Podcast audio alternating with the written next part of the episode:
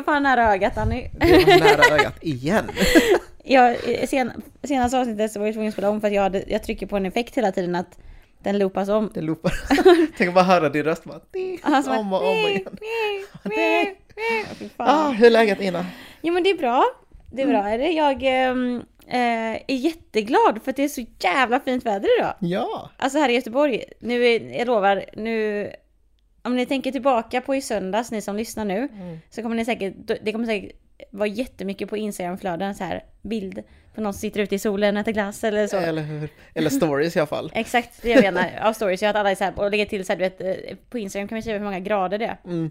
Jag lovar. Vad är det för, hur många grader? Alltså det stod att det var 17. Åh, vad skönt. Och så sitter vi här inne. Ja, jag vet. Åh. Men Tänk, dig i framtiden kommer de finna eller skapa sån mix som inte tar in vind och allt sånt där. Så kan man sitta utomhus. Så sjukt. Tänk dig också, tänk alla som jobbar hemifrån, alla bara kommer så här sitta utomhus Mm. och bara så här ta telefonsamtal och... Ja, exakt. alltså, så här, man sitter på stranden typ och jobbar och bara helt isolerat. Mm. Den la upp ett inlägg igår Mm. kväll på, äh, eller ja, igår på Ja. Tänkvärt. Torsdagsförmiddagen så eh, ska en kvinna blivit attackerad av en man i en gångtunnel här under stationen bakom mig. Eh, vad polisen uppger är att de ska inte ha varit obekanta för varandra. Eh, kvinnan fördes svårt skadad till sjukhus och hon har nu avlidit. Nej men vi har väl pratat mycket om det innan tänker jag. Om just det här med mäns våld mot kvinnor. Eh, och det som hänt då är att det har varit fem till sex kvinnor som har dödats av en, eh, ja, men, av en man de senaste tre veckorna. i Sverige. Ja, och det, det är jättemycket i och med att eh, på ett år brukar det vara runt kanske 12 till 15. Shit, det är ju en fjärdedel ju. Eh, ja, så det är, det är helt sjukt att bara de tre senaste veckorna liksom eh, har så pass många dött. Eh, och eh, ja, det, det handlar ju faktiskt, det senaste som var en stor grej i media så var det ju om eh, i Linköping. Mm. Hörde du det när de kom upp eller? Ja, eller alltså på... Men när var, när var det? Var det I nu? torsdags. I torsdags, precis. Jag såg det inte i torsdags, men jag har sett det nu i efterhand Mm. när alla börjat prata om att det har varit är så många nu under tre veckor som har blivit mördare. Det som hänt var ju att det var en eh, kvinna, hon heter, Sanije. Mm. Eh, och hon, eh, hon och sitt exman då hade liksom var tidigare gi- gifta men hade separerat och hon var i Linköping för att besöka socialtjänsten. Mm. Och han hade tydligen sett henne där. Eh, och sprang fram till henne och eh, ja, men knivhögg henne. Så sjukt. Så pass att hon inte gick att räddas. Eh, Men grejen var att han, han stod kvar där i, i centrala liksom, Linköping. Bara för att vänta på att bli Ja, för alltså, gri- gripen av ja. polisen. Så han fattade antagligen vad han gjorde helt. Liksom. Mm. Ehm, Sen vet inte polisen om det var planerat eller inte men det, Men kniv, då hade han ändå en kniv på sig. ja, han hade en kniv på sig Ja, och han, han satt över henne och liksom knivade flera gånger. Så Eh, sjukt. och det är liksom, hon har ju tidigare ehm, ja, men känt sig hotad av eh, mannen. Mm. Hon har sedan 2015 levt med skyddade personuppgifter på ett skyddat boende. Så det har ju varit mycket hot liksom. Mm. Eh, och hon har ju tvungen, alltså blivit tvungen till att söka till de organisationer som hjälper en att eh, liksom gå under jorden eller vad man ska säga. Ja, för att... Mm. För att bli eh, skyddad. Och nu såg han henne liksom. Så, så min fråga är lite, alltså hur fan ska man göra i sån här situation? För att ännu en gång så är det offret som måste anpassa sitt liv ja. Till eh, Exakt, situationen. ja. Fast det är han som varit hotfull, det är Mm. han som har misshandlat henne och allt sånt där. Och nu slutar det med att hon blir mördad ändå för att även om du har skyddad identitet så är ju mannen fri. Mm. Det är så. Det är sant. Det finns ju alltid en risk att han hittar dig Ja, oavsett om precis. du flyttar någon annanstans.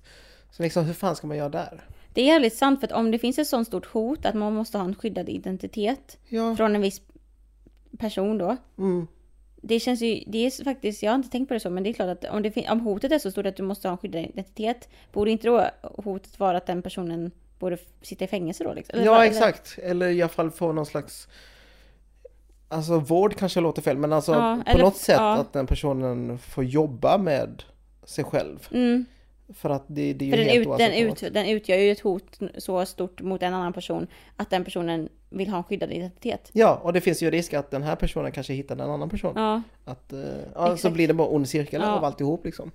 Så det, det, hon är ju inte, Sanija är ju inte ensam om att ha en skyddad ident- identitet. Nej. Utan det har varit jättemånga fall och det är fortfarande jättemånga kvinnor som lever eh, Mm. med ett annat namn eller med eh, liksom Ja, Mm. det, det många säger är ju att det är en annan slags pandemi som sker just nu, liksom bakom Ja. stängda dörrar. eh, Med eh, kvinnor som eh, blir utsatt för Mm. våld av män i sin närhet. Och att många inte riktigt kan bara lämna. nej, det finns ju sån retorik eller så argument att folk bara, men om du blir utsatt för våld, varför lämnar du inte honom bara? Ja. Är kärleken så stor liksom? Men Mm. i många fall handlar det inte ens om kärlek. Nej. Alltså, det finns fall där kvinnorna vill fly, men som vi ser nu med Sadinja, liksom att det finns ändå risk att hon Exakt. faller offer för ännu ett mord. Och det, och vi har ju pratat om det tidigare, för som du sa innan, alltså vi har pratat om våld mot kvinnor i Mm. många liksom, eh, av våra avsnitt och, de har ju, och det har liksom vi har berört det av, av liksom från olika ut, vinklar beroende på vad Mm. liksom, nyheten har varit så att säga. Men jag minns ju när vi pratade om, eh, vi pratade ju om eh, våld mot kvinnor eh, som eh, organisationen Kvinna till Kvinna har Mm. tagit fram eh, så här, men fyra olika typer av våld som sker mot kvinnor och då är det ju så här sexuellt våld, eh, ekonomiskt våld, psykiskt våld och fysiskt våld. Mm. Ehm, och, och, också, och jag tänker också direkt när vi pratar om detta så tänker jag också på det avsnittet vi pratade om när vi pratade om grooming, typ vårt andra avsnitt. Ja, just det. Alltså typ när liksom eh, när, när, eh, det, när eh, vet det, det var några aktivister som, bland annat Ida Östensson, när hon Mm. gjorde en story om att ja, men kan inte folk på Instagram skicka in eh, berättelser om om ni har liksom upplevt grooming, alltså då att en äldre man ofta då har typ eh, liksom kon- med kontroll haft ett, ett alltså destruktivt förhållande med en yngre kvinna typ. Ja. Och jag tänker på att, för där finns det ju också, alltså hela groomingprocessen är ju också så här nästan uppbyggd på samma form av kontroll. Det här med att, liksom att, som du säger, att det, inte, det går inte bara att lämna. För det, det, det är så mycket som bygger upp till det fysiska våldet. Exakt. Det är liksom inte så här, eller typ, det är, det är inte ofta att det bara blir som, ja du får en örfil här och där, utan, eller så, utan, eller du får, ett, du får en knytnäve i magen bara så, utan Mm. det är någonting som ofta byggs upp i en väldigt Långsamt. långsam process. Ja, precis. Som man inte kanske märker av direkt. Nej, Och det är samma sak med det här mordet eh, i Linköping. Det var ju Mm. inte bara eh, ja, men en exman som eh, blev ledsen för att hon lämnade honom och gick fram och dödade henne. nej, Utan det har ju varit liksom mycket ja, men, eh, psykiskt våld, mycket Mm. ekonomiskt våld som du Ja. pratade om.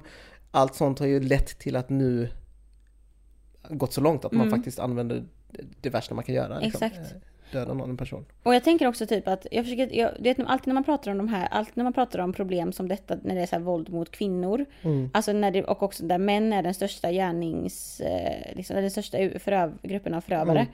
Jag, alltså varje gång man pratar om de här grejerna försöker jag alltid så här, typ tänka, okej, alla som är kritiska mot detta har så mycket, eller så här, hur kan man liksom göra det här eh, samtalet så konstruktivt som möjligt så att inte Mm. kritiska röster kan bli så här, ja men inte alla män, typ. Mm. Det, så som det ofta blir liksom. Ehm, men alltså att, alltså att groomingprocesser sker, att eh, män utför psykiskt våld mot kvinnor ekonomiskt, fysiskt eller liksom Mm. så sexuellt. Alltså som vi också alltid pratar om, det är inte saker som händer i vakuum. Mm. Utan det är ju verkligen strukturer under lång tid som har byggt upp till att detta händer. Alltså att, att, det att kvinnor, att det är en, alltså en majoritet, med, alltså grupp av män Mm. som gör detta mot kvinnor. Alltså det, att det är inte så här, typ- för det är många som bara, nej men vadå det var bara den personen, det här. Ja exakt, Det alltså, ju du aldrig- får alltid sådana kommentarer Precis. att folk bara det, det är ju bara äckliga män som gör så här. Mm. Man bara, men hur många ska det krävas för att man ska ens agera? Eller att få den här reaktionen från andra män? Mm. För att varför ser vi inte lika stor alltså, vad heter det, utbredning av eh, kvinnor som eh, alltså Ja men om vi pratar om våldtäkter liksom. Mm. Eh, eller kvinnor som mördar män i sin närhet. Varför inte samma Utsträckning. utsträckning. Och det finns ju förklaring till det. Främst, okej, det, det, det finns fall. Och det finns ju en, någon slags tystnadskultur att män inte ska liksom prata om detta. Att man blivit utsatt av kvinnor som Mm. har antingen våldtagit eller mördat. eh, eller utsätter någon för våld. Så det, det finns ju den aspekten. Mm. Men det finns ju den här stora aspekten som att ja men det sker inte lika ofta. Just Exakt. på grund av allt det här vi pratat om. Att vi har ju strukturer som eh, fostrar män till att kanske istället för att prata om känslor Mm. öppet så här mellan dig och mig så kanske man eh, håller det inne, man kanske använder våld som eh, ett sätt att Mm. uttrycka sina känslor. Eh, ja men eh, mycket sånt här från barnsben och att man kanske kollar media och det är väldigt mycket sånt machosnack bland Mm. killar. Och, så det blir ju någon slags normaliserande. Exakt. Um, och det är inte alls så jättekonstigt egentligen att det har blivit som det har blivit. Att vi Nej, ser så många män som utsätter våld mot kvinnor och mot andra män. mm. För det är också viktigt att tänka på att varför är det gemensamma nämnare av de här våldsbrotten är att det är män som utsätter det. Mm. liksom. Ja, precis. Och också att, eh, ex- exakt det. Och jag tänker också att, eh, vad heter det, ja men som, som vi pratar om att det är de här, alltså det är den här machokulturen, de patriarkala strukturerna Mm. som då fostrar alltså män till att göra de här sakerna. Och, och som du säger, det är ju inte bara mot kvinnor, det är ju mot män Nej. också. Eh, och, och jag minns att du sa det i förra, vårt förra avsnitt när vi pratade om, eh, vad heter det, när vi pratade om det inlägget du skrev om, eh, ja men det här med pedofili. Mm. Och liksom att det är så viktigt att tänka typ att Alltså när det kommer till sexual, sexualförövare specifi- speciellt. Mm. Det är ofta man typ vill tänka att det är typ någon sånt här, något monster som inte är en del av samhället. Typ Mm. som att, ja men det är inte någon som finns så här bland oss. Det är någon som inte är som oss. Det är liksom någon som har hamnat Ja. utanför samhället helt så här jätteexkluderad. Men det är ju inte det för att du, och det är så här, tu, nu vill man ju inte att det ska vara så här men behöver inte, du behöver inte heller ha någon psykisk störning för att göra detta, Nej. alltså våldet mot kvinnor. För att det är, så, det är så många historiska strukturer som har skapat våldet mot kvinnor. Mm. Det är inte så att du behöver så här, ja jag, jag har någon eh, psykisk störning Nej. eller något som gör att jag, eh, det är därför jag är så här, Är som jag är som jag är. Utan det är ju verkligen så här strukturer som, som är skapade av människan. Mm. Och, Och det är ju en ja. förklaring liksom. Eh, och det innebär inte heller att man ska kunna använda det som eh, för ett sätt för att kunna rättfärdiga mord Nej. heller. För det kanske blir att folk bara, ja men samhället har gjort så att jag eh, är våldsam av mig. Ja. För att jag är man.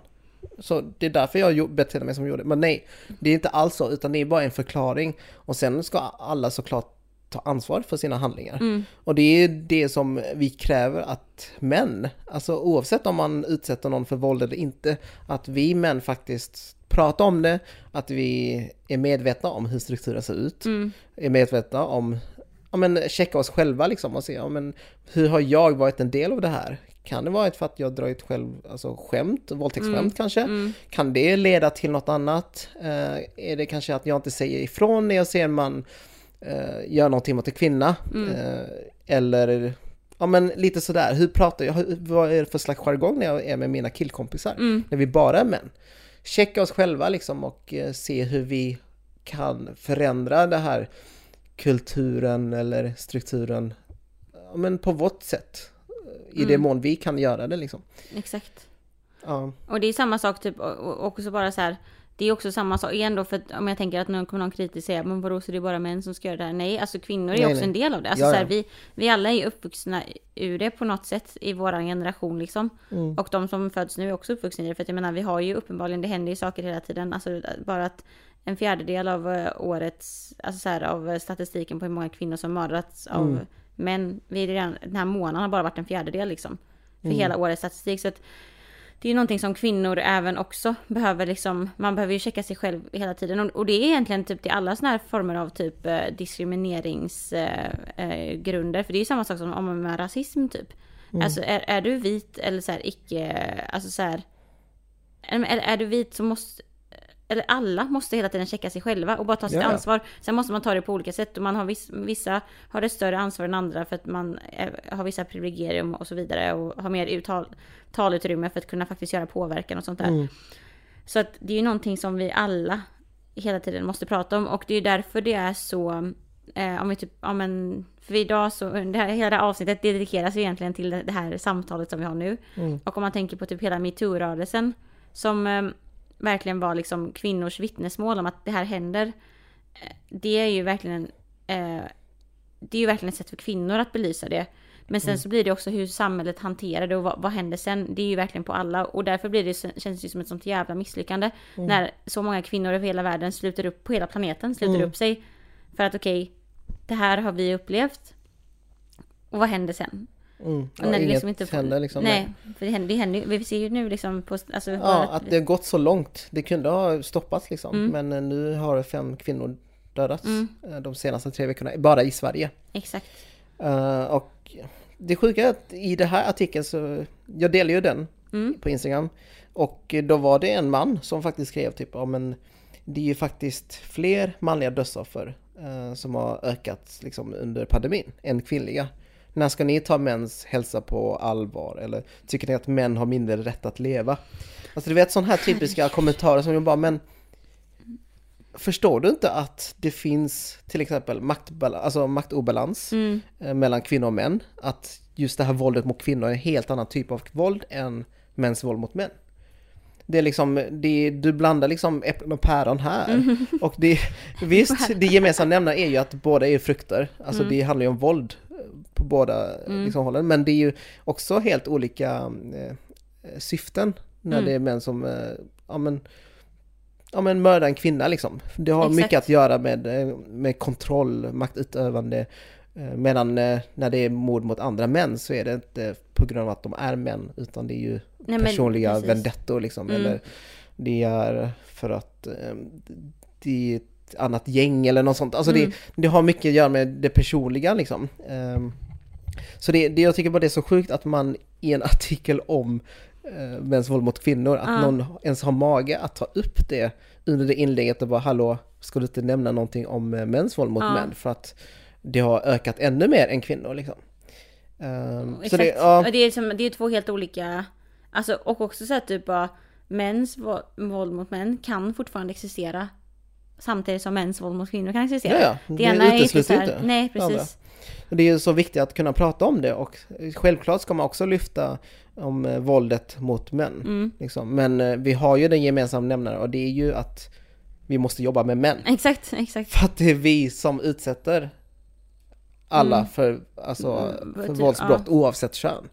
Så det är väl i så fall det vi borde ta upp snarare än att ja, men, vi nämner ingenting om kvinnor utan nämner endast om eh, män som faller offer för Mm. andra män. Bara för att det är större Yes. andel. Ja, precis. Så det, det, ja, jag tycker bara hela diskursen är så jävla konstigt för att folk fattar inte Nej. att det är en stor skillnad. Eh, och den här personen som kritiserar, han är väldigt sånt, ja men, eh, ja men han skriver en text och sen bara MVH, en människa typ. Alltså du vet Ja, för att han ska vara så. Ja men för att Bara distansera sig från andra män typ. Ja, För att han bara, ja, men eh, vi måste se våldet eh, mot oss som människa. eh, snarare än att dela upp i kön. Åh, det är som färgblindhet typ. Det är som ja, bara, det ah, här don't see- ja. könsblindhet. Alltså jag blir så trött på det. Alltså folk fattar, vi måste kunna säga vi måste kunna se våra olikheter för att kunna stoppa Och problemen ju mer jag finns. pratar om sånt här, alltså desto mer är jag pro prata om ras. Ja men exakt. Ja ja, 100 procent. Eller alltså vi kan inte längre prata om etnicitet och kultur och sånt. För Och sånt är etnisk ju... svensk, man bara vad fan är det? Alltså vad är Ja, det men, egentligen? alltså, sånt är ju ändå väldigt, eh, vad heter det, föränderbart Ja. typ. Alltså att jag är född i Sverige, jag är ju etnisk svensk. Mm. 100 procent. För Mm, att jag är ja, född här, jag exakt. gör allting som en svensk gör. Mm. Och det finns inte riktigt någon gräns på hur svensk man är. Nej. Men jag ser ändå mig själv som 100% svensk. Ja. Men min ras, Ja. inom eh, citat nu innan någon Ja. kallar mig för rasist eller liknande. jag, utåt sett så är jag ju östasiat. Alltså jag är ju, mina föräldrar är från Vietnam och jag, Mm. liksom, mitt utseende, jag är också 100% vietnamesisk. Mm. Liksom. Eh, så det, jag har börjat bli lite mer, okej men om vi ens ska kunna gå vidare så måste vi faktiskt prata om ras. Exakt. När vi pratar om ras, det är ju en social konstruktion. Ja, ja. Alltså vi använder ju inte ordet ras så som typ så här ehm, det rasbiologiska institutet Nej, nej, gjorde nej. på liksom Att jag är så här, 1800-talet. jag är bättre än så här. Och... Nej men typ som att det ska finnas någon biolog, alltså när man pratar om ras som vi gör, det har ingen biologisk koppling i, i form av att, ja men typ att det är en skillnad på dig för att i ditt biologiska uppsättning för att Mm. du är östasiat och på mig som är eh, sydamerikan och svensk liksom. Det är, inte, det är inte den typen av ras vi Nej, pratar nej. om. Utan det, nu, man pratar om den sociala konstruktionen av ras som att Um, Okej, alltså, en, och alltså social konstruktion det är ju då det är någonting som vi har, ska, alltså som människan har liksom skapat. Skapat, ja. Det är inte någonting som typ eh, alltid finns där. Och då, och då måste man, och då pratar man om ras i den sociala konstruktionen av att, okej, som du sa, du uppfattas som, inte som svensk, du uppfattas som östasiat. Jag uppfattas som att, ja men det är lite svårt att kanske se vart jag kommer ifrån för att jag, jag, jag har Liksom jag kommer från två, mina föräldrar från två olika länder. Så att det är det som är viktigt nu då, att man har som skiljelinje, att när vi pratar om ras så är det inte den biologiska Nej. sättet. Och också en jävligt intressant sak, varför typ inte, om man tänker på USA, där pratar man ju om race. I Ja, USA. exakt. Men det gör man inte här i Sverige. Och det finns faktiskt en jävligt historisk koppling till detta. Som också bara ett jävligt stort bevis på hur vi i Sverige har sån jäkla tystnadskultur kring Mm. eh, liksom våra förflutna och vill behålla den här antirasistiska Ja, exakt. självbilden.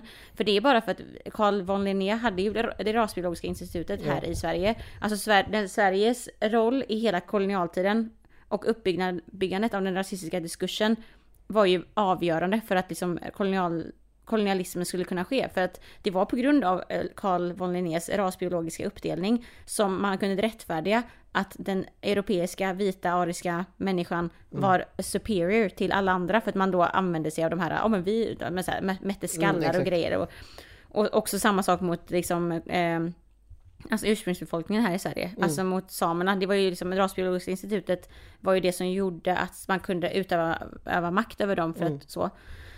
Så att därför, för att skylla över det här, för att vi, vi i Sverige vill så gärna, gärna ta bort, vi vill så här sudda ut exakt. våran Ja, vi, skamfläck. vi har inte det här biologiska Precis, så då, har man, då tog man bort ras. Ras i svenska ordet blev förbjudet att använda. För att här i Sverige, kopplingen till ras här var Mm. så himla kopplad till det. Så därför har det blivit förbjudits. Och, där, och sen så har det verkligen så här, det har varit en institutionell lag, Mm. det får inte användas. Till liksom i vardagstal, att det blir så här Ja, tabubelagt att prata man, om raggar, det. eh, man liksom ryggar tillbaka direkt. Precis när man hör ras. Typ. Ja.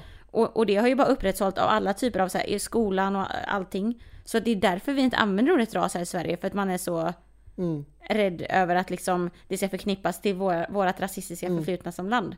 Och det, Mm. Och det är lite så det också, alltså jag tänker att det är klart det ska vara obekvämt. Alltså Ja, ras, det är ja. inte bekvämt någonstans för att det är en, eh, en social konstruktion och det har lett till så mycket folkmord och eh, rasism och eh, hot och död, allt Mm. sånt här liksom. Och det ska ju vara be- obekvämt.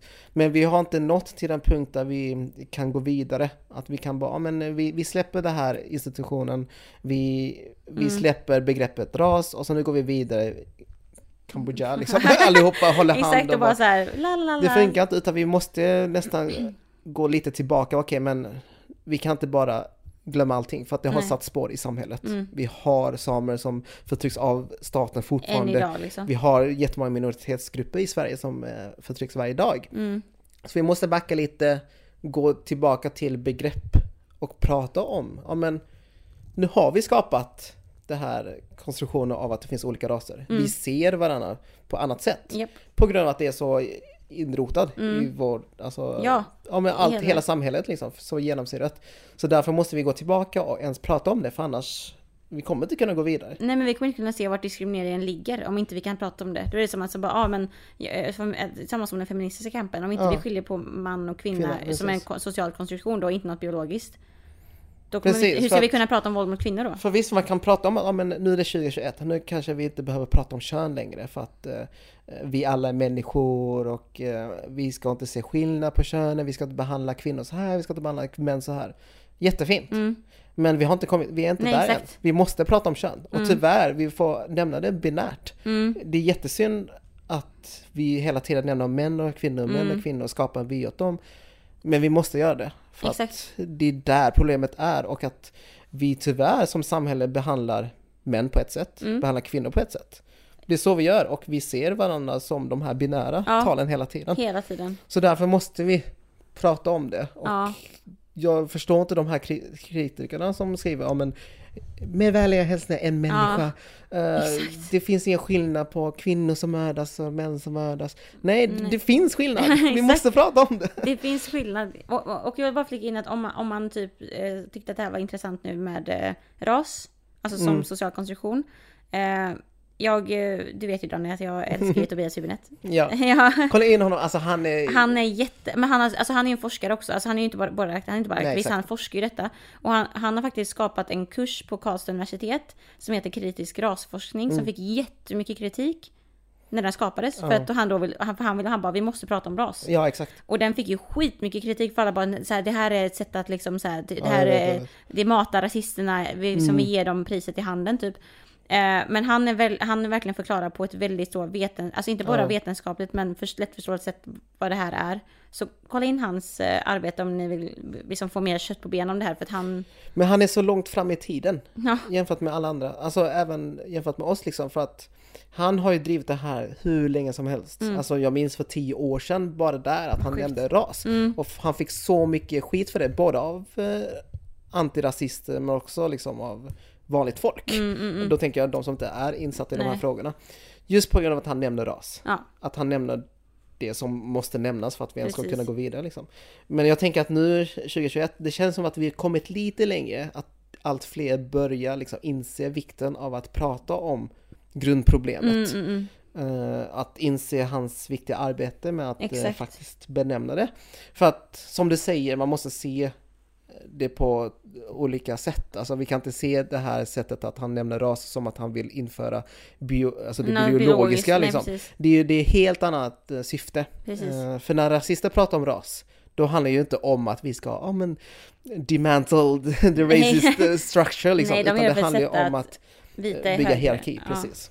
Så det, ja, jag hoppas att de som lyssnar där förstår vad vi menar. För att Exakt. det, tror oss, alltså om 5-10 år så kommer vi, jag hoppas i alla fall, Mm. att vi kommer prata mer om ras och att på ett annat, eh, ja men på våra egna Ja, agendor typ. Eller Exakt. Och jag hoppas våra också, villkor. Och jag hoppas också att, för jag tycker att, jag tycker att man märker jättemycket att, som du säger, att vi börjar ändå så här att du pratar om det här mer och mer. Vi börjar så Mm. säga att, vi börjar se att okej men alla så här, identitetspolitik börjar Mm. verkligen sätta sig, i, och också så här typ i vardagligt tal. Alltså man hör det bara när folk pratar och jag kan verkligen tycka att jag kan höra, för det är det här jag vill verkligen uppmana om, att alla som kanske inte alltid har varit så insatta i de här frågorna, Mm. men som vill bli det nu och förstår att man måste så här, okej, man måste prata om ras, man måste prata om kön och sånt där. Mm.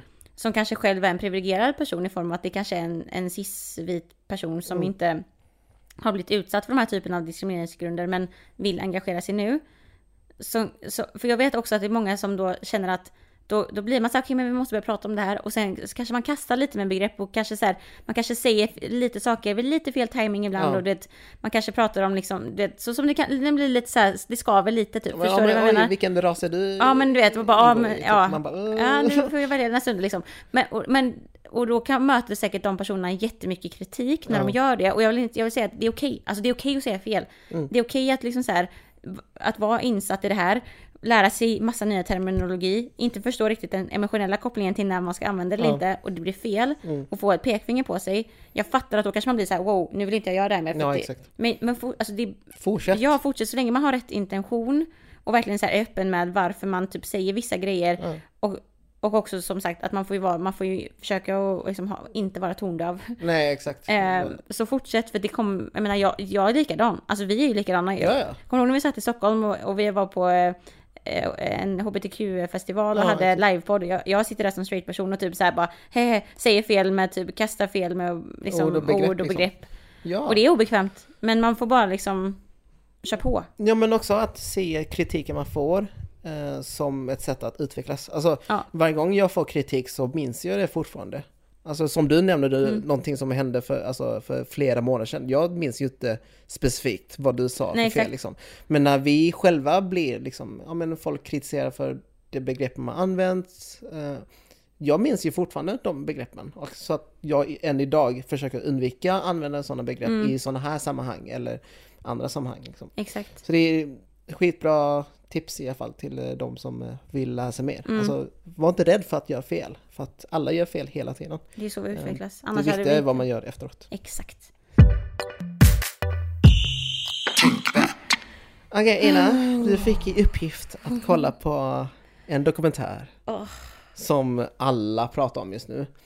Eh, och den här dokumentären heter ju Persona non grata, Dun, dun, dun. som betyder icke önskvärd person. Jaha. Klipp in till Frågetecken. Jag ska, är du verkligen inte en önskvärd person? Jag Ska, Och eh, ja, den icke, eller icke önskvärda personen är ju Soran Ismail, en eh, före detta folkkär komiker. Mm. Han var ju faktiskt en stor förebild för mig. var han det? Ja, Ja, men han Jag- var väl det för jättemånga?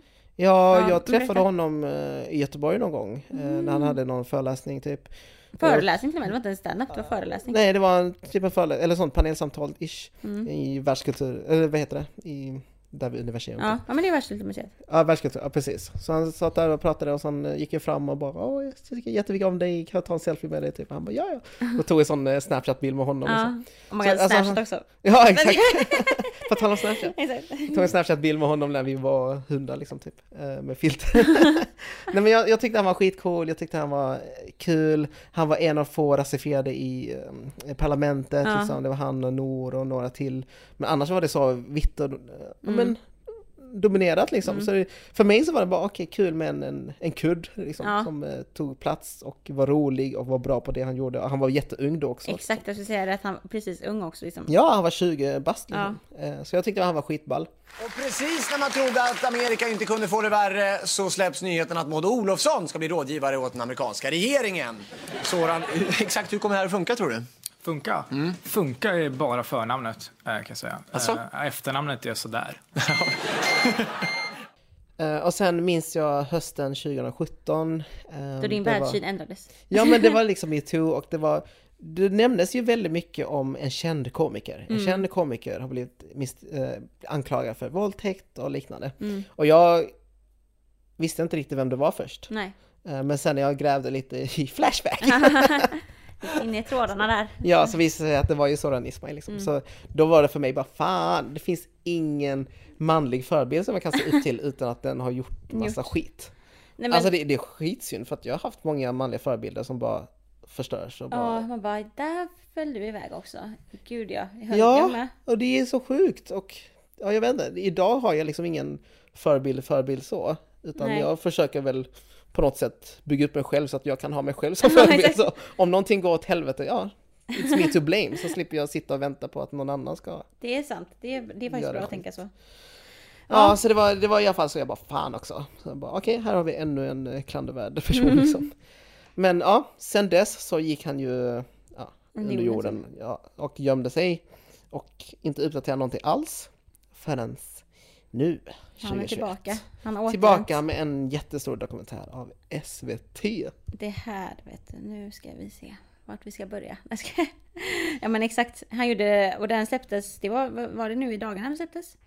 Ja, ett par veckor sedan kanske. Precis. sedan. Ehm, och ehm, Jag har ju aktivt undvikit att kolla på den. ja, att- alltså jag ska vara ärlig och säga att när den kom ut, Ja. jag, jag typ, jag, jag missade att den kom ut. Det var Ah, ingenting som okej. jag liksom la märke till förrän jag då såg ehm, på vad som började hända på sociala medier när folk Mm. började dela. In, när folk började dela kritik om den här dokumentären. Då, det var då jag bara oj shit. Och det var ju ganska tidigt liksom. Det var ändå, det var ändå, det började väl ändå typ en och en halv vecka sedan. Den, De generella liksom, inläggen. Men sen så fick ju verkligen den här dokumentären sin stora, stora kritik nu i veckan. Mm. Eh, när eh, alltså grymma, fantastiska Bianca Kronlöf Ja. eh, lägger upp sina videoklipp på Instagram. Ja, hon är ju en eh, komiker och eh, skådespelare. Mm. Jag har suttit i panelsamtal med hennes syster. Oh. Ja, så det var lite kul. Så jag känner igen liksom Ja. Kronlöf-familjen lite så. För det är nog ett, ett ja, men känd familj Mm. inom skådespeleri och ja, men, hela komikerbranschen och liknande. Så det var asballt att se henne liksom dela med sig så viktiga saker men också så känsliga ämnen. Mm. Eh, Och för de som inte lyssnar på det, alltså gå in på Instagram, sök på Bianca Kronlöf Ja. och kolla på hennes tre videoklipp där hon kritiserar ett, då är det Soran Ismail och eh, hela dokumentären. Mm. Och sen två, ehm, till alla manliga komiker Mm. i den branschen. Och sen tre, det är mer typ alltså komikerbranschen i sin Mm. helhet. Exakt. Och sen så kommer fokusförflyttning familjeliv. Din flickvän intervjuas och vi hör barnjoller. På samma sätt tar Fredrik Virtanen konstant upp att han har en fru och barn. På samma sätt satt kungen i folkdräkt med hela familjen dagen efter att det hade kommit ut att han hade varit på strippklubb. Som om tanken skulle bli, men han kan ju inte gjort det där, han är ju en morfar. Familjen ska i de här fallen få oss att känna att förövaren är en helt vanlig kille. Och det här är också en så jävla stor varningsflagga. För helt vanliga killar kan också vara våldsutövare. Det är helt vanliga killar som åker till Amsterdam och köper sex. Det är helt vanliga killar som åker till Thailand och köper barn. Det är helt vanliga killar som slår sin fru. Det är så sjukt om man tänker på att SVT har gjort en, en dokumentär. Där de vill liksom, som basically handlar om då att eh, det här är så, Sorans perspektiv på de anklagelserna han fick under metoo. Som han inte blev dömd för. Det här är hans, hans perspektiv. Och låter honom prata fritt om det i en timma. Liksom, för det är två delar. Att SVT som, en platt, eh, som aktör gör det på det sättet. Medan då en kvinna på sina privata plattformar, alltså Instagram är ju en privat plattform, använder sin röst för att liksom kritisera. Det, det, det bara säger så jävla mycket också om liksom det här hela... Vem man eh, fokuserar på liksom. Exakt vem man fokuserar på, vem, vem, vem får ta ans och vem får ta ansvaret att prata om Ja, kritiken. Alltså så här, det var ju inte så att, bara för att kortfatta snabbt då om dokumentären, för er som inte har sett den, bara så att man har lite grund vad det, vad det är liksom. Det vi, får göra är att vi får följa Soran i hans hem.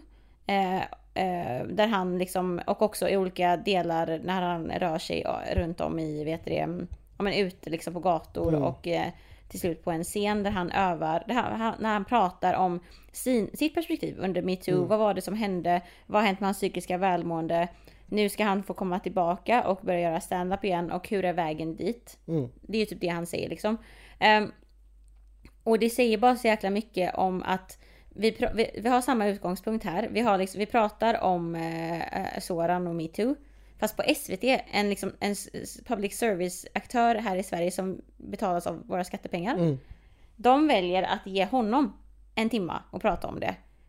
Medans Alltså, på, alltså, han, får- alltså han får ju liksom en, en legitimitet redan där. Medan då Bianca måste använda sin privata plattform. Ja. För att liksom prata om detta och på samma sätt.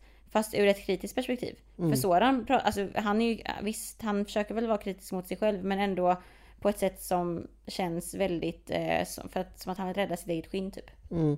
Han har ju sin stora plattform också. Han har Exakt. ju fler följare än henne i början liksom. Så varför använder inte han den plattformen för att komma out och eh, ja men gör som SVT gjorde liksom. Exakt. Än att, att vi ska finansiera den dokumentären. För att anledningen till att jag inte ville se den dokumentären var ju för att jag inte ville riktigt Alltså vara en del av det här tittarskarorna Nej, som precis. visar, ja men titta det här är något som behövs liksom. För att jag tänker så här, har vi kommit till en punkt där vi behöver lyssna på den anklagade och förövarna och hur de tänker? Eller är vi fortfarande i metoo-stadiet, att vi behöver fortfarande lyfta liksom kvinnors berättelser, eh, att vi fortfarande bara går tillbaka till den här grunden liksom Exakt, och ha liksom, ja. ja. men vad är felet? Hur ser rättssystemet ut? Är det faktiskt så att folk blir eh, dömda eh, eller är ser det exakt samma sak som innan metoo? Mm. Och jag tänker att tyvärr så är vi nog fortfarande i metoo-stadiet. Vi har inte kommit till post-metoo. När folk frågar liksom, men vi har väl kommit till det stadiet att vad händer sen? Utan vi är tyvärr fortfarande i det här, vad händer nu? Exakt. Vad har hänt? Vi har inte kommit så pass långt att vi ska börja lyfta liksom Göran Lamberts och Martin Timell och Ja. Soran Ismail och hela det här gänget och få ge dem en plattform. Utan det tror jag att vi kan nog vänta till senare. Mm. Eh, för jag, jag tycker faktiskt att vi ska prata om eh, deras perspektiv. Eh, Menar du männens? Ja, Ja, mm. jag tycker det.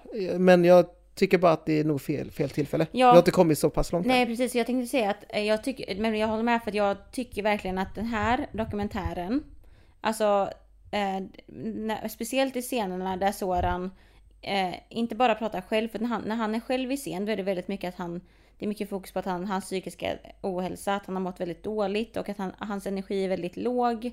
Och han är så väldigt förvirrad och han vet inte vad som är sant, han vet inte vad som är rätt och bla bla bla. Så när Han är ju deprimerad. Ja man precis, ser man ser hur, på honom att han mår skit liksom. Det, ja, det är ingen... sättet han pratar och Det det, är ingen finns som, ingen... nej, det är ingen som kan kalla honom för det. Så jag tycker att när, de scenerna när han är själv, då är så här, Mm.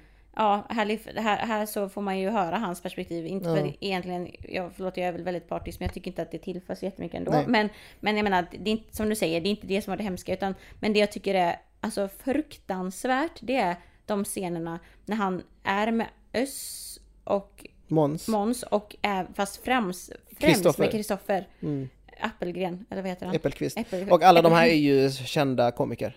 Exakt. Alltså jättestora kända För komiker. där, den, de samtalen, den retoriken de Mm. har när de pratar om Sorans anklagelser och hans väg tillbaka. Alltså det är som att det är som eh, bensin till en eld. Alltså det matar bara hela det här, den alltså att- machoattityden som finns. Alltså machokulturen Mm. Som är finns. också en del av hela det här. Precis. metoo, Som- liksom. Exakt som finns i samhället som är så här att, nej men liksom, ja men det är så här, det är en, det är en sån översittarretorik som att, nej men vadå, det är inte, alltså att man inte tror på våldtäktsoffer, att Mm. man inte tror på att samtycke liksom, att det kan ju man bara kasta åt skogen typ. Alltså det är liksom så här, sättet de pratar på, det legitimerar bara alla de här tankarna som finns inom machokulturen som skapar våld mot kvinnor. Förstår du vad jag menar? För de, är, de, pratar, de, de förminskar, alltså de förminskar de här anklagelserna på ett sånt starkt sätt att liksom Sitter du och kollar på den här- dokumentären och du har ingen Du vet inte om ens eh, hela problematiken med våld mot kvinnor. Du har liksom inte upplevt det själv. Du kommer antagligen inte tro att det händer. Alltså, du kommer, alltså jag, de, jag tänker att de samtalen de har, det får en att tänka att de här kvinnorna som har anmält Soran för våldtäkt och sexuellt ofredande, de tänker att de här kvinnorna bara gör det för att, ja men, vara var lite så här, typ, vad man vill ha fame eller vara jobbiga eller så här, Uppmärksamhet ljuger och- rent ut sagt. För det, så, så som de pratar, och det pratar Bia- Bianca kritiserar det skitbra. Mm. Om just det här med brödraskapet. Japp. Att, eh, ja, men alltså, det är skitbra att Soran har vänner som stöttar honom emotionellt. De är där för honom, de lyssnar på honom. Eh, och liksom, ja men det är skitbra att män också har sina vänner. För att Mm. det, inte, det finns ju en samhällsstruktur där män inte har så många nära vänner. Mm. Där man kan prata om känslor och sånt med. Så det den aspekten är bra, att han har liksom Måns och eh, Öss som kan sitta med honom och prata. Och sen har vi Kristoffer som kan eh, ja, men, spela lite Badminton. med honom liksom. Ja. Lite sådär. Men det som kritiseras och det som skaver, det är ju hela syftet med deras eh, eh, i deras eh, vad heter det? Stö, alltså stöttning. För med Måns och Öss som han träffade först så var det mycket, okej men nu, har vi, nu tar vi fram lite post-it-lappar. Nu ska vi försöka lista ut hur du ska komma upp på scenen igen. Du kanske ska dra lite skämt i början. Alltså det var väldigt mycket sånt, ja men nu är din karriär fucked up. Nu ska du bara, ja men bygga upp din karriär från grunden igen. Det var mycket sånt där liksom. Och jag bara, men har ni glömt på vad... Vad alltså- anklagelsen Ja, har ni glömt för? vad det här dokumentären ens handlar om?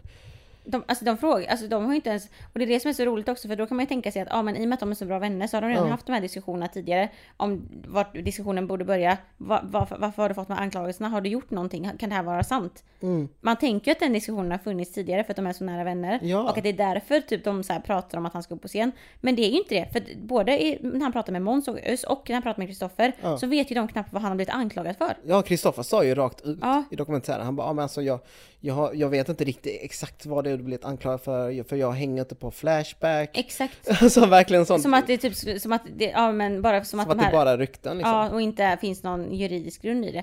Och jag menar bara, bara där att liksom, det som hon säger, som, eh, som heter det, Bianca pratar om med brödraskapet, att, att liksom det finns in, det här med att man backar sin bror liksom. Mm. Det är så starkt och det är så synligt här för de, de, de frågar ju inte ens. Nej. Alltså de bara utgår från att, inte, att han inte har gjort det. Alltså att, han inte, att det inte finns någon typ av sanning i att det, att det, skulle kunna vara så att han har våldtagit dem. För de vet ju inte ens vad det handlar om. Jag är så jävla äcklad av brödraskapet samtidigt som jag är avundsjuk. Ja, nu gäller det att kunna hålla flera bollar i luften samtidigt. För att om jag ska vara helt ärlig så har jag en del av mig som är avundsjuk. Systerskapet är inte lika starkt som brödraskapet. Och som feminist så gör det ont att säga det. Och jag fattar om du som hör eller läser det här blir arg på mig bara för att jag skriver det. Men jag är avundsjuk på den villkorslösa gemenskapen i brödraskapet. Snubbarna backar varandra när kompisen har blivit anklagad för våldtäkt. Kvinnor backar inte ens varandra om vi använder fel ord. SVT liksom på bästa sändningstid sänder när det här brödraskapet får sitta och tjabbla om detta på det här sättet. Det, gör, det normaliserar ju att alla andra brödraskap där ute kommer göra exakt samma sak. Ja. Alltså att de inte ens ifrå- att de, att de typ tycker att det är okej att säga bara "Ja, jag vet inte riktigt vad du har gjort men eh, hur ska vi få upp dig på scen? Mm. Alltså, om, att det är, alltså jag tycker att jag, för mig, det här är ett plus ett två. Alltså det är så här, om man sitter och ser det på TV på någon som är förebild Mm. och själv har sådana tankar, då kommer jag tänka att då är det okej för mig också att göra det här. Det är klart, Varför som jag sa innan, det? att jag såg ju upp till Soran Ismail. Ja. Och tänk om jag inte var insatt i de här frågorna Nej. och skulle kolla på här dokumentären och bara okej, men nu har jag min förebild blivit anklagad för någonting. Nu Mm. ska jag se vad som hänt. Och så ser jag, okej, men hans kompisar stöttar honom. De eh, pratar inte ens om eh, anklagelserna utan bara mer om hur han ska upp på Ja, benen igen liksom. Det är klart att jag kommer anamma det på mig själv. det Ifall klart. en kompis till mig blir, blir anklagad för våldtäkt så kommer jag finnas där för personen. Jag kommer att prata med personen om hur den personen kan få upp sin karriär igen. Ja, Och det, det är så fel. Um, och en sak som jag vill ta upp det är en grej som kallas för podmapping. oh, Har du hört talas om det? nej. Det handlar om att, eh, jag såg det här på Instagram av en som heter Avkolonisera Mera. Mm. Eh, och hon la upp liksom bara, ja men det här är podmapping och det innebär att man bildar sin egen stödgrupp. För vi pratar mycket om community, om man Ja. ska hit- hitta sin gemenskap. Men community handlar mer om att man finner personer som har samma värderingar, man kanske finner personer som har samma identitet. Alltså the black community, det LGBT community liksom.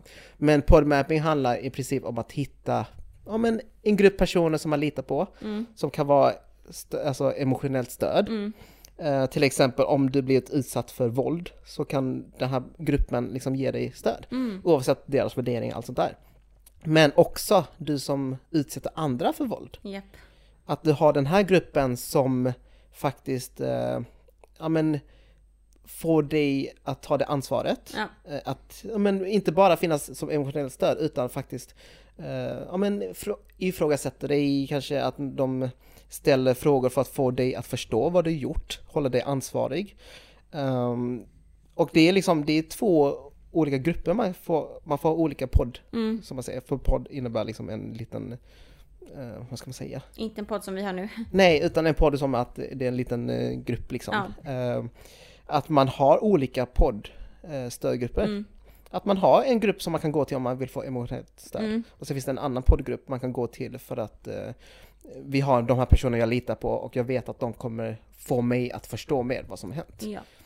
Eh, Och då, för oss så kanske det är mer kompisgäng egentligen. Ja. Men det kan vara bra att ha specifika grupper som man litar på eh, mm. så att de kan hålla dig Exakt. ansvarig. Och det är Måns och Öss och Kristoffer, de är ju en typ av podd som bara ger emotionellt stöd. Japp. Men han hade behövt en till grupp där personer kanske träffar honom och okej, eh, hur kom det sig att det här har ens hänt? Alltså hur hamnade du här? Varför är du här och i ett stadie där du inte ens, du ser väldigt förvirrad ut liksom? Att man går ner i Exakt. grupperna. Så det är, det är det som podmapping och det, det tycker jag var jättebra. Eh, Det kan vara intressant. man kan, Verkligen läsa in sig mer på typ. ja. Jätteintressant. För att, men, eh, men vet du det, jag tänker också bara för att liksom en kritik som Bianca lyfter också, eh, jag tycker är eh, jätte, alltså minst lika viktig som mot Soran liksom. Det är ju också att det här med, hade, säg så här, det som sägs i dokumentären, om jag hade fått den informationen från SVT, eller om jag hade fått den informationen från Flashback, exempelvis. Mm. Då har, för mig blir ju den informationen mycket mer legitim om jag får den från SVT än från Flashback. Självklart, det ska ju vara så. Så ska det vara, eller hur? Och då är det också så här bara, så det är inte bara faktumet att de, att SVT liksom sänder, det är inte bara faktumet att vad som sägs i dokumentären, det är också faktumet att SVT bara sänder det. Alltså att, det, lå- att, att SVT låter honom, alltså, eller att låta dokumentären vara ur hans perspektiv på det här sättet. För att när de gör det, då är ju de som aktör med och normaliserar det här. Det är ju inte bara Soran och hans kompisar som gör Nej, det. nej, nej. Det är ju de också som aktör. De är bara spelpjäser liksom. Precis. Och, då, och, jag, och det, jag tycker att det är på samma sätt som visserligen Paolo Roberto, nu blev ju han dömd. Soran blev inte dömd, han är bara häktad. Mm. Eller han blev inte häktad, åklagad blev han väl bara. Åtalad. Åtalad menar jag, ja, precis. Men i alla fall, jag vet det, men jag menar bara att det var ju samma där.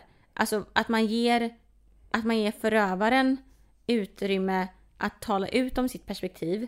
Samtidigt som offret blir något diffust.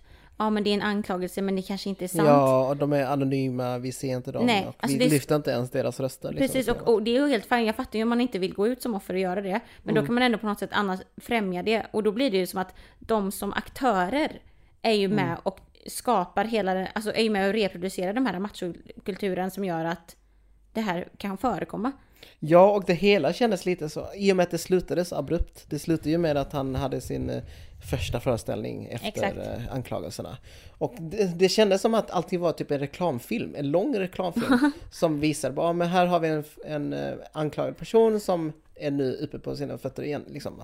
Som har byggt upp sin karriär långsamt igen. Ja, ja, gud ja. Ingenting är mer bekräftande för, för mig än eh, sexuell bekräftelse. Jag vill, jag vill ligga med jättemånga människor. Och det, det vill jag förut och det vill jag... Jag tror aldrig att det kommer ändras. det är nog ingen slump att av de hundratals personer som jag har haft en sexuell eh, relation med så har jag... Ja, det är kanske ett par som inte har varit etniska svenskar. Så är det jag som har försatt mig i det här. Skulle föreställningen kunna heta Alla mina knull? Många blev glada men några blev arga. Och också, alltså jag tycker verkligen att hur den var filmad i början, alltså jag höll på jag satt, jag satt ju på vagnen och kollade, eller jag kollade första delen hemma, sen så kollade jag andra delen på vagnen på väg hit. Och jag, alltså, jag, man sitter och blir så arg för att så som den är, så som den är filmad också. Alltså typ att så här, och det är liksom, det är tragisk musik, det är bilder på honom när han liksom så här hänger läpp. Det är typ någon scen när han går runt ute, han bara jag kände att alla kollade på mig. Och så ser man, och så filmas från Alla människor kollar på som honom, kollar liksom, på man bara, honom. det där är ju skådespelare. Ja men som- det är ju det, är det alltså det, SVT tjänar ju fucking pengar. De har ju tagit, de tjänar ju pengar på att liksom han ska få berätta sin snyfthistoria. Och tittare som inte fattar att man ska ha den här maktanalysen, de kommer ju, alltså, de, alltså SVT tjänar ju pengar på det här. På att han berättar sin historia. Alltså fattar du vad jag menar? Och det tycker jag är så äckligt, alltså för det känns som att den också är uppbyggd på ett sånt sätt som ska vara så här. Alltså visst att man, att typ du och jag kan, och många andra kan syna den, den dokumentären jävligt enkelt. Men det är ändå så äckligt att det är så här, att de tjänar pengar på att han så här, måla upp honom Ja. i offerbild. Jag vet inte, jag blir bara så, det... Ja, alltså det, det jag fick ut från den dokumentären, det var ju inte mycket som sagt.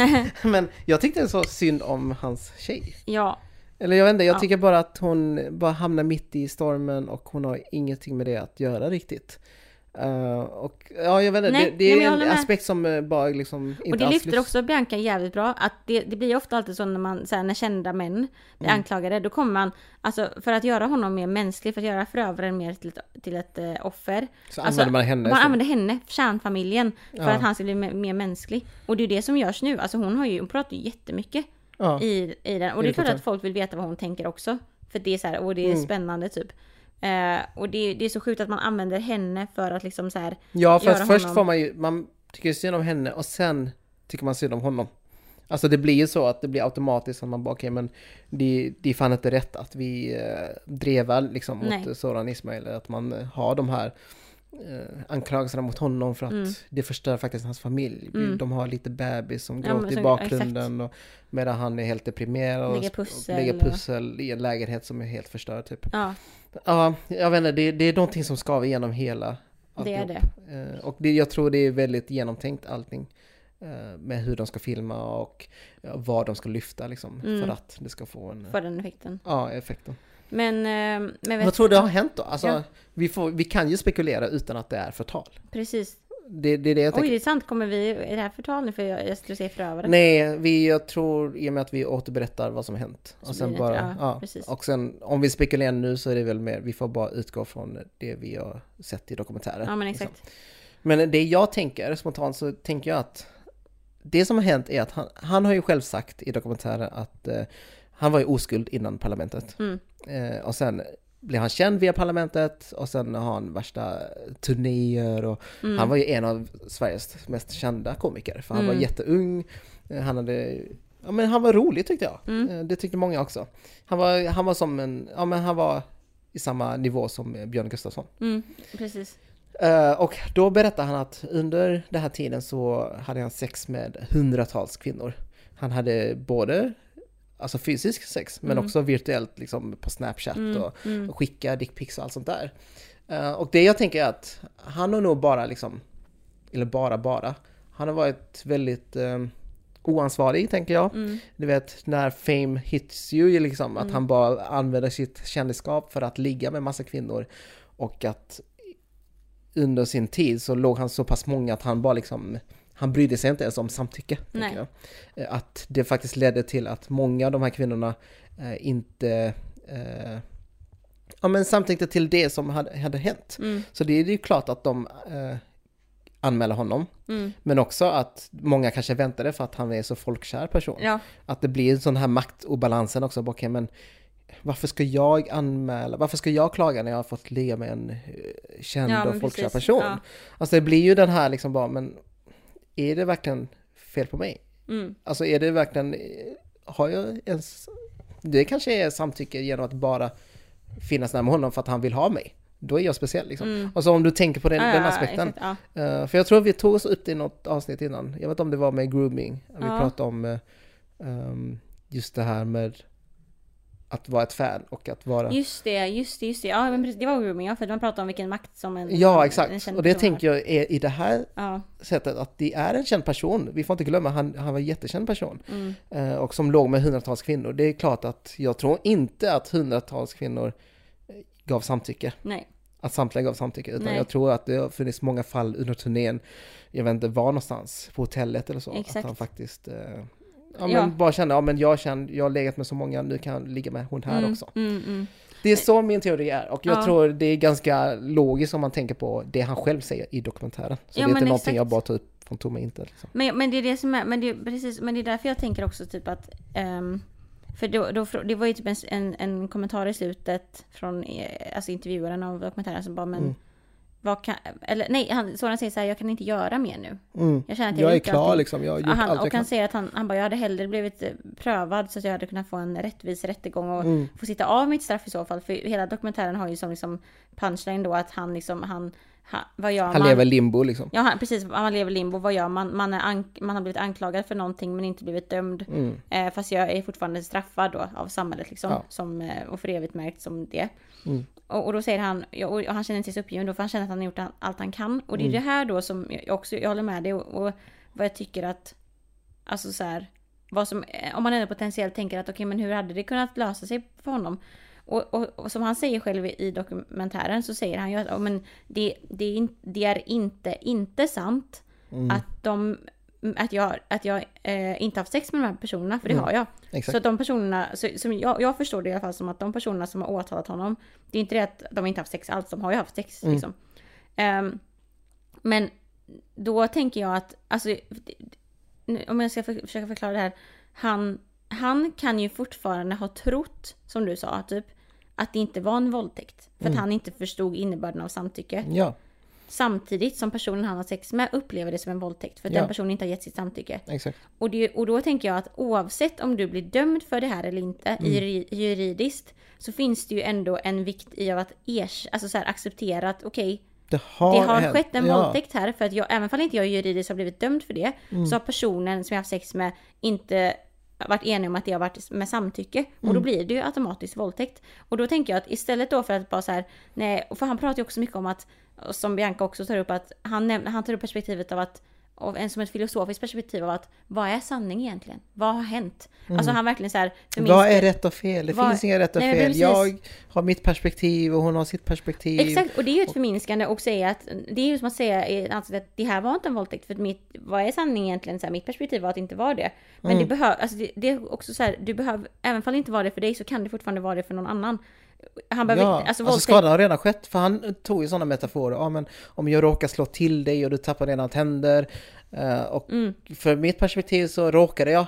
Men för ditt perspektiv så slog jag till dig och i slutändan så har du tappat dina tänder liksom typ. precis. Dra sådana paralleller. Jag bara ja, och det är det som har hänt liksom. Du har legat med henne och någonting har ju gick Nå någonting har gått snett. Mm. Det, det är någonting som han måste erkänna liksom, för att Precis. det är faktiskt tre, minst tre, Mm. olika kvinnor som inte känner varandra, Nej. helt liksom oberoende av varandra, som faktiskt anmält honom. Mm.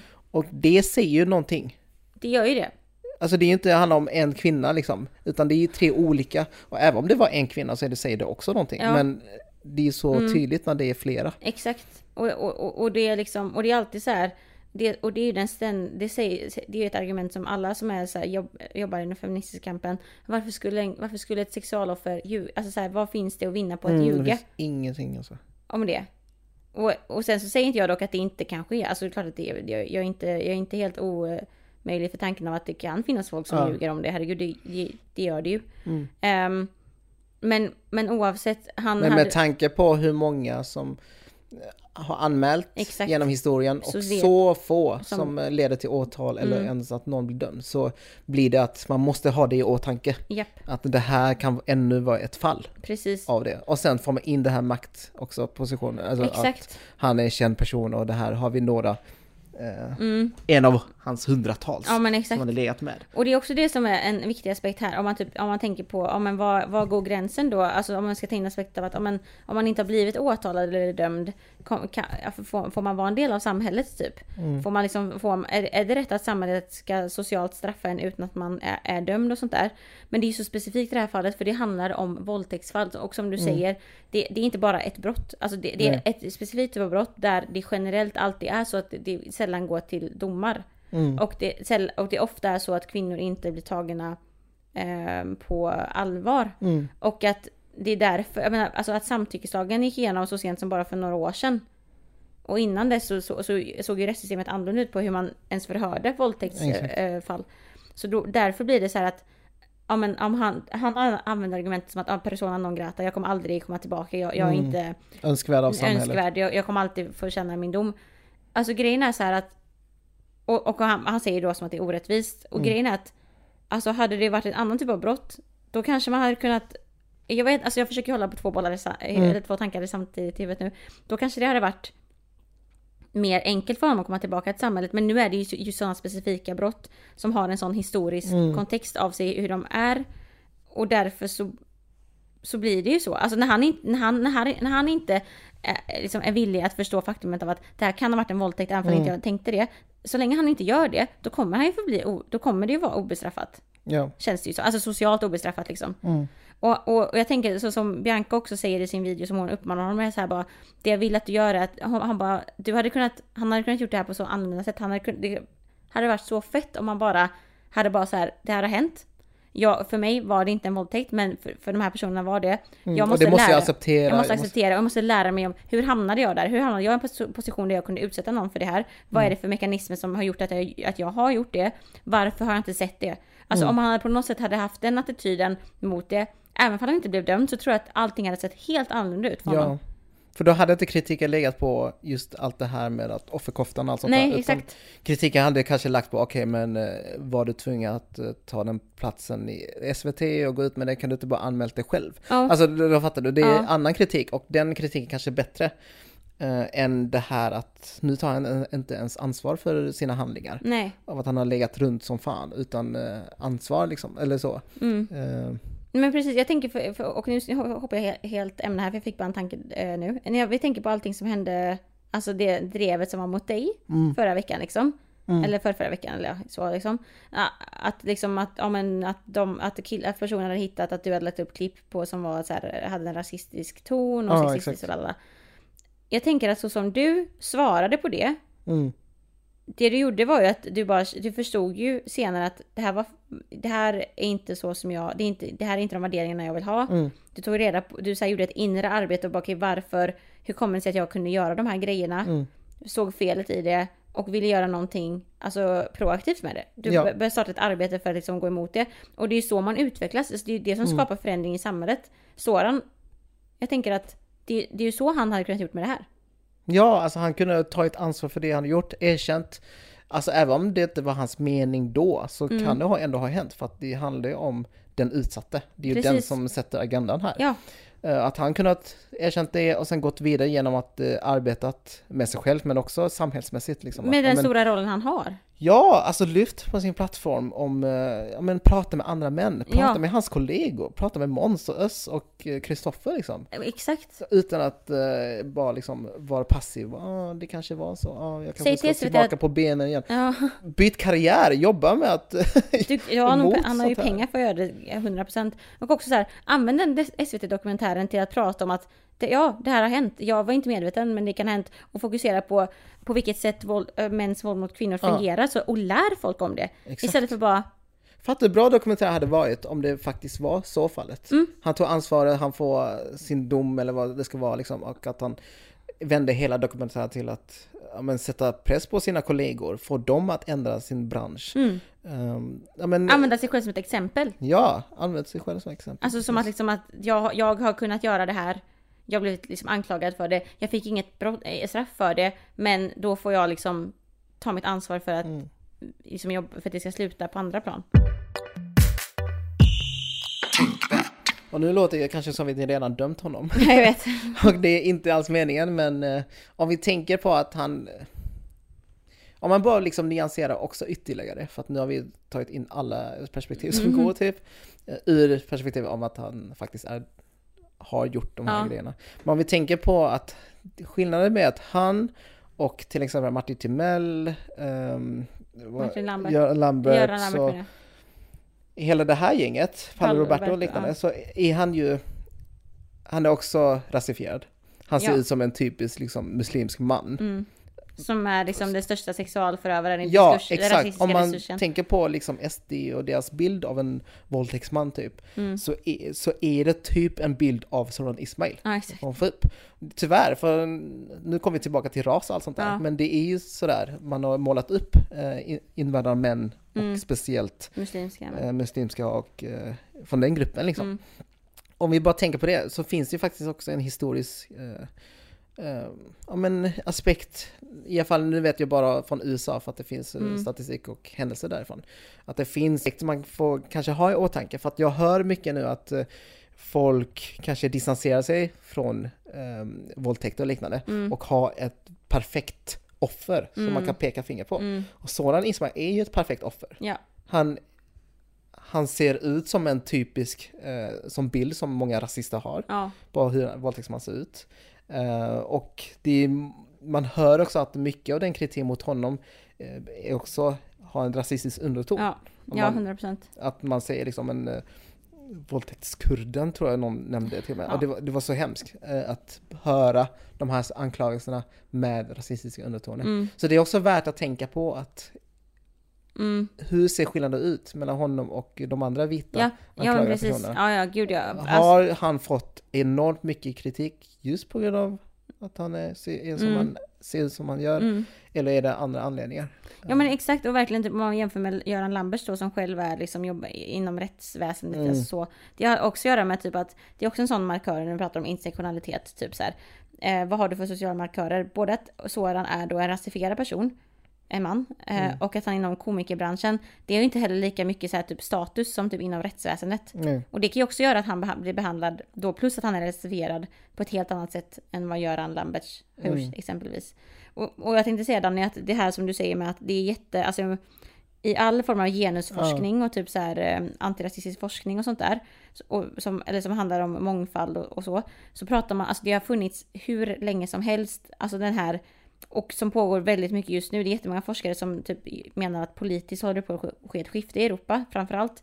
Att man använder den feministiska kampen för att så här, eh, för att kunna få igenom sin rasistiska underton i att typ vi måste, vi måste rädda de vita kvinnorna och också typ de muslimska kvinnorna Mm. från den muslimska mannen. För att Mm. den muslimska mannen liksom målas upp som det största hotet Exakt. mot liksom väst, västerländska Väst, ja. värderingar, västerländska samhällen, liksom så som vi pratar om med hedersförtryck och hela de här grejen. Typ SD använder ju det, alltså SD är ju så islamofobiska att det är, det är, det är ju helt sjukt. Och de, jag de fattar frame- hur glada de är att Ja, han de- är precis. anklagad. de framar ju liksom en, eh, alltså det, precis, han är ju det perfekta liksom offret för Ja. dem om man säger så. Så det är skitviktigt att tänka på också som du säger det här med att, med, som så här, att vita kvinnor, alltså det här med svarta män ofta Mm. liksom uppmålade som ett sexualt, sexuellt Predator, monster liksom, typ. ja. Ja. För det är också historiskt, jag menar, ja det har ju hänt jättemycket så det är Mm. skitviktigt att hålla Det är en jätteviktig aspekt och det, det är det vi vill att man har liksom flera bollar i luften så att man inte också följer vågen och bara Nej. eh, a- a- använder de här rasistiska retoriken också mot sådan. Och det säger Bianca så bra i, i, det, i eh, filmen. För hon pratade, hon bara vi måste, för hon nämner ju också det här då liksom att vi måste liksom ha, vi måste Flera tänka på flera, på att ha flera tankar i huvudet samtidigt Mm. liksom. Och att ehm, hon bara, det är så, hon bara all, alla som typ, hon säger så här typ, alla som tänker att det här på något sätt har att göra med för Soran är liksom rasifierad. Och att typ att för, för, på grund av vilket land han kommer ifrån och att, och att där är liksom hedersförtryck eller våld mot kvinnor väldigt högt. Hon bara, vi måste bara släppa den här tanken så fort som möjligt. Hur enkelt hade det inte varit för kvinnor om vi visste att det var så här, eh, att eh, våld mot kvinnor var knutet till en geografisk plats. Då hade vi bara försökt inte bo där. Om vi, om vi, hon bara, om vi vet om att det är i Borlänge och att det är i, i Irak eller Afghanistan typ. Ja, då försöker man väl inte bo där då som kvinna.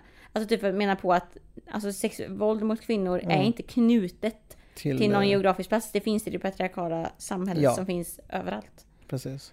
Det är skitbra och viktigt att lyfta. Mm.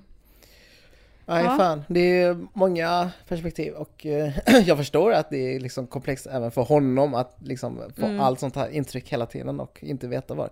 Men samtidigt hade det här eh, varit direkt i samband med metoo så hade man kanske förstått lite mer att okej, han, är, han är förvirrad, han har fattat så mycket. Mm.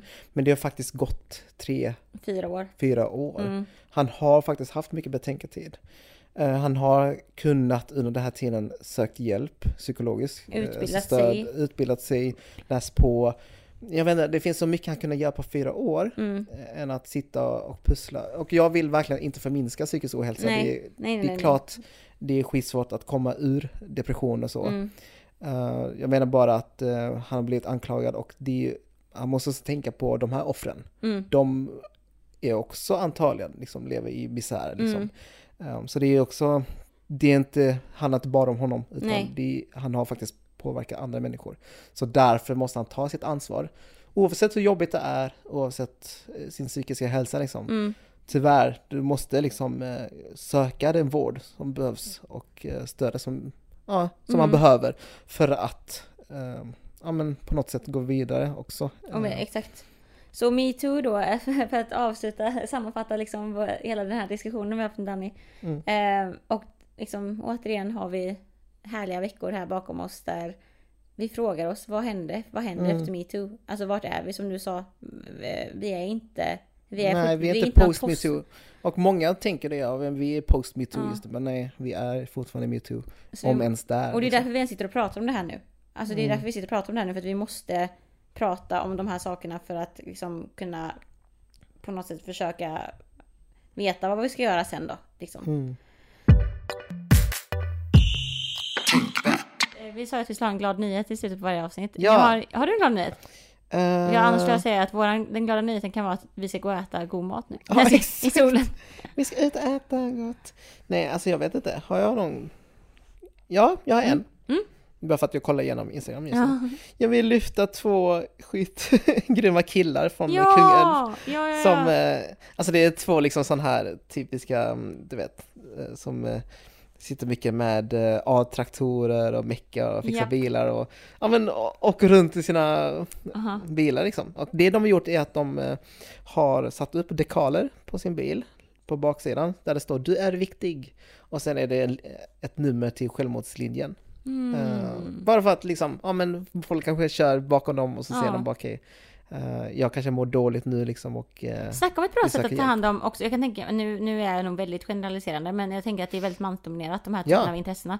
Och tänk också då vilket, alltså vad fint att så här, för, för att främja mäns psykiska hälsa, Mm. vilket effektivt sätt. Ändå. Ja, Alltså verkligen så här är ju- konstruktivt och bara så här, nu man befinner sig i, ett, i en kontext där det är väldigt antagligen machomandominerat. ja exakt. Och gör så här liksom. Och tänk dig liksom att bara känna, ja men vi kör mycket bil runt om i stan. Mm. Varför inte göra ett samhällstjänst och eh, Mm. ja, men stötta andra män? För att det Mm. är ju ett stort samhällsproblem. Det det, eh, Att ja. män eh, har de här tankarna. Mm. Eh, också alla kön har de tankarna Mm. såklart. Men just män så är det väldigt ofta att man inte söker hjälp. Nej. På grund av att man vill hålla den här bilden av att man är stark Ja. och ska klara igenom Ja. det liksom. Så det var, det var jättekul. Hej, grymma Shoutout till boys. eh, Oliver och eh, Hampus. Keep doing what you're doing! Yes! Och, och ni andra, vi får alla bara försöka göra vår samhällstjänst så gott vi kan. Ja.